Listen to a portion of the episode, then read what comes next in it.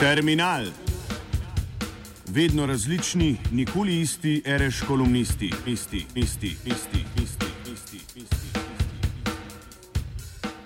Prva predvolilna soočenja kažejo, da bodo na ekonomskem področju igrala pomembno vlogo predvsem tri teme: javni dolg, demografska gibanja in obdavčitev plač. Po mnenju prvakov strank gre za kritična področja naše ekonomije, kjer dosedanje ukrepanje izvršilne oblasti ni bilo ustrezno. Predvsem pa obljubljajo ukrepe oziroma poteze, s katerimi bodo ta področja vredili in jih naredili znosnejše. Sveda so vse tri naštete teme pomembne. Vseeno pa stanje niti slučajno ni tako kritično, kot se izpostavlja, prav tako pa realno tudi ne moremo pričakovati kakšnih korenitih potez, ki bi te razmere pomembno spremenile. Najprej javni dolg. Seveda ni dvoma, da se je v letih krize ta močno povečal od 22 na največ 82 odstotkov bruto domačega proizvoda. Tudi drži, da smo lani za financiranje dolga odšteli skoraj milijardo evrov. Vseeno pa stanje primerjalno z drugimi državami ni kritično, če ga pogledamo podrobneje, celo predvsej bolj ugodno predvsem pa se bodo razmere v naslednjih letih pričakovano precej izboljšale. In to ni odvisno od kakšnih posebnih potez takšne ali drugačne bodoče vlade. Trenutni javni dolg države znaša 31,9 milijarde evrov ali 73,6 odstotka BDP, kar je približno 10 odstotnih točk nižje kot evropsko povprečje. Nižje, na primer, tudi od Avstrije, kjer dolg še vedno ostaja nad 80 odstotki BDP, pa jo razumemo kot gospodarsko uspešno državo brez velikih težav. Preračunano na prebivalca je našega dolga dobrih 15 tisoč evrov, Avstrijci pa se soočajo s kar 34 tisoč evrov obremenitve na povprečnega državljana. Predvsem pa se ob tem praviloma zanemarja še druga, premoženska stran bilance države. Kot vemo, imamo v Sloveniji še vedno tudi veliko državnega premoženja, kar za večino držav ni značilno. Čeprav zaradi tega pogosto dobivamo kritike, gre vseeno za premoženje, ki ga država lahko unovči za poplačilo svojih obveznosti ali pa ji prinaša donose za plačevanje obresti na dolg. Če torej pogledamo neto stanje zadolžitve, torej dolg minus finančno premoženje, je Slovenija dejansko med najmanj zadolženimi državami v Evropi. To je izjemno pomemben podatek, ki pa ga praviloma nikoli ne slišimo. Verjamem, da večina tega niti ne pozna. Tudi obremenitve z dolgom, obresti bodo v naslednjih letih upadale. Ne glede na sicer pričakovano rast obrestnih mer, smo se v zadnjih letih zadolževali po dokaj nizkih obrestnih merah, obveznice izdane z višjo obrestno mero pa bodo počasi zapadale. Zaradi tega lahko s precejšnjo gostovostjo izračunamo, da bodo obresti čez pet let celo za 200 ali 300 milijonov evrov nižji, kot so danes, glede na BDP relativno še precej manj obremenjujoče. Na drugi strani pa imamo še omenjeno finančno premoženje države, ki ga ocenjujemo na vsaj 15 milijard evrov, ki lahko z umnim upravljanjem v naslednjih letih prenaša tudi donose v višini celoletnih letnih plačil obresti. Dejansko je popolnoma realno pričakovano, da z donosi iz državnega premoženja pokrivamo letne izdatke za obresti na javni dolg.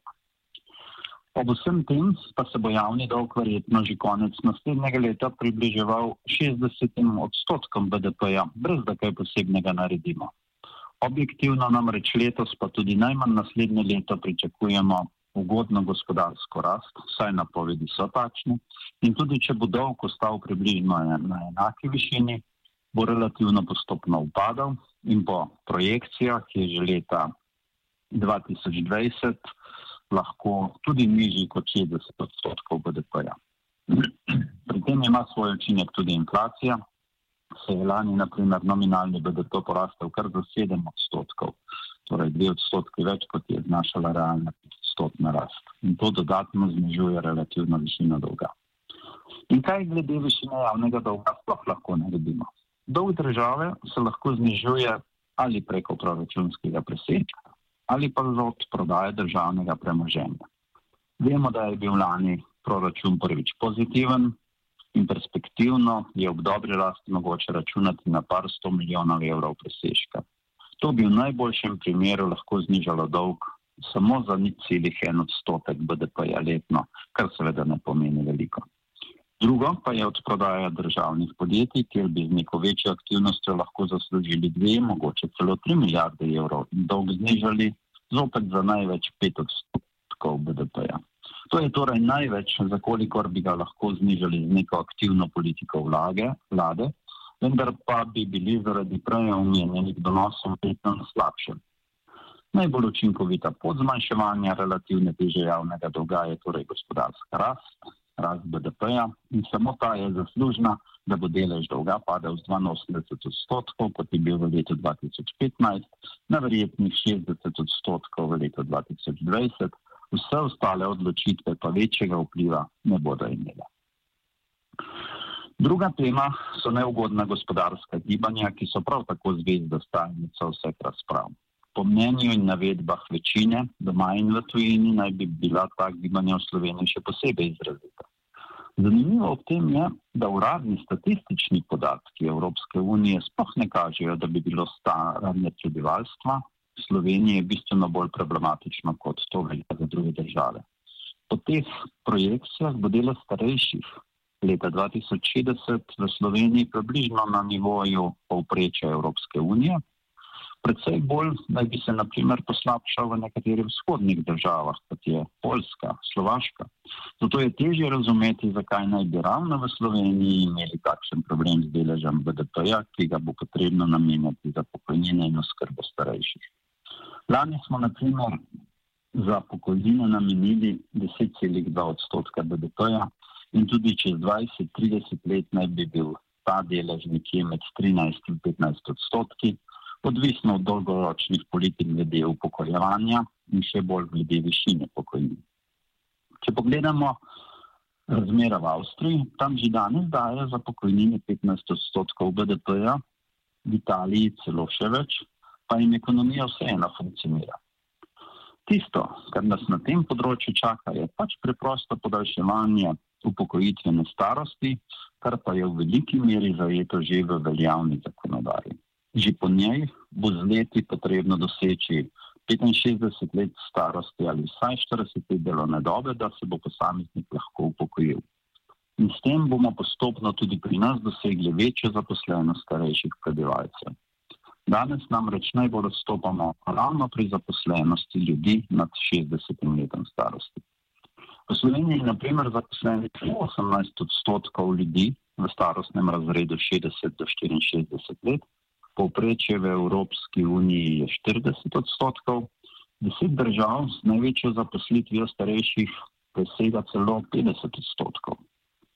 V bazenu, če tako imenujemo starejših, imamo torej v Sloveniji potencialno najmanj 100 tisoč zaposlenih in to je področje, kjer že z obstoječimi zakoni prihaja do sprememb. Kar nas tukaj torej čaka na tem področju, je dodatno podaljševanje upokojitvene starosti za kako leto ali dve v naslednjih desetih ali dvajsetih letih, ter spoštovanje te zakonodaje. Večjih reformnih ukrepov tu ne potrebujemo.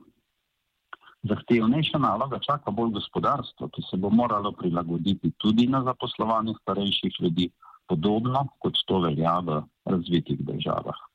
A ti procesi in prilagoditve bodo potekali 10-20 let, na, kratkih, na kratki rok pa kakšnih večjih sprememb glede na navedene številke ni potrebno.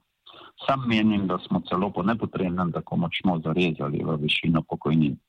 V vseh diskusijah se praviloma spregleda, da izplačila pokojnin niso samo izdatek javnih financ, več na drugi strani tudi prispevajo gospodarski rasti ter proračunskim prilivom.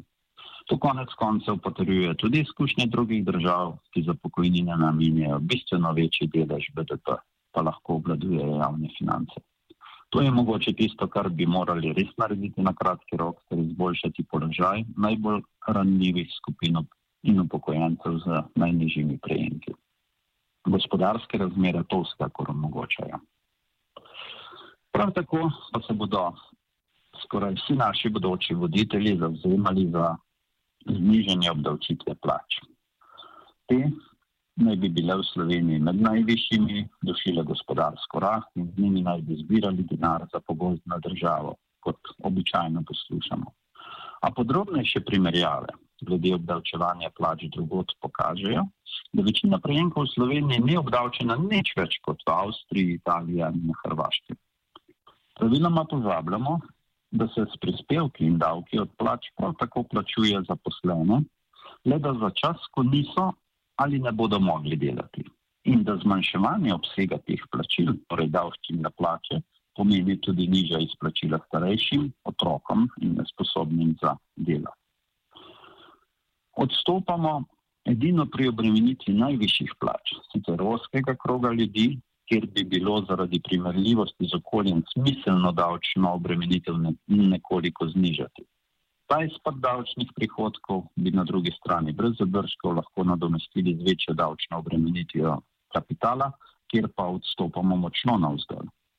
Ker ima naše gospodarstvo bistveno bolj ugodne pogoje kot v drugih državah, a s tem se praviloma nikoli ne pohvali.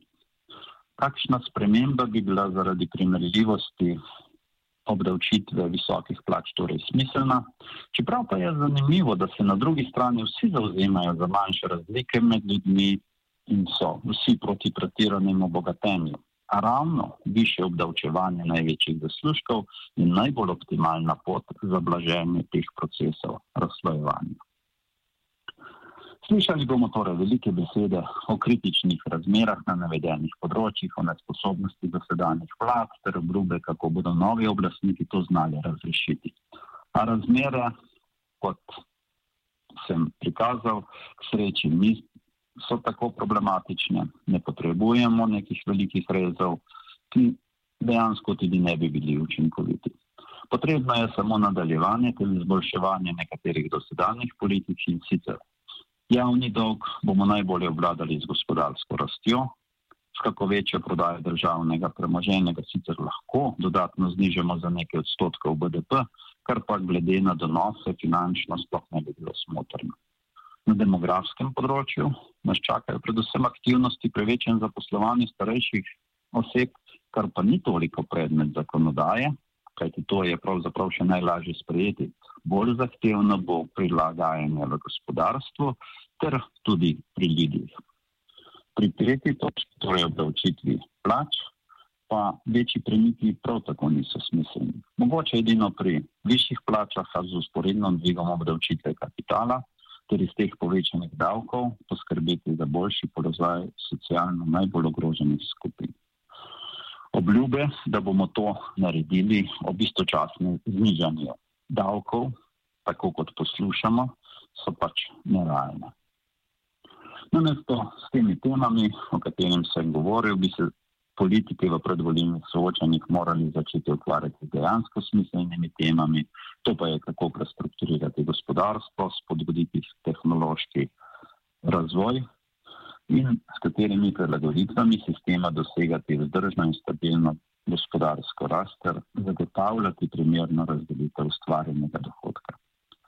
Samo takšna gospodarska rast lahko zagotavlja do hitevanje najbolj razvitih držav Evropske unije glede blaginja, hkrati pa moramo zagotoviti, da bodo te rasti blaginje v podobni meri deležni vsi prebivalci te države.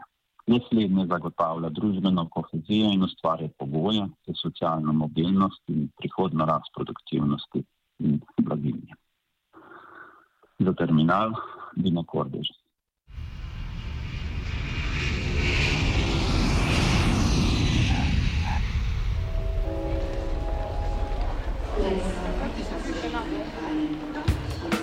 Terminal vedno različni, nikoli isti, reš kolumnisti, isti, isti, isti, isti, isti, isti.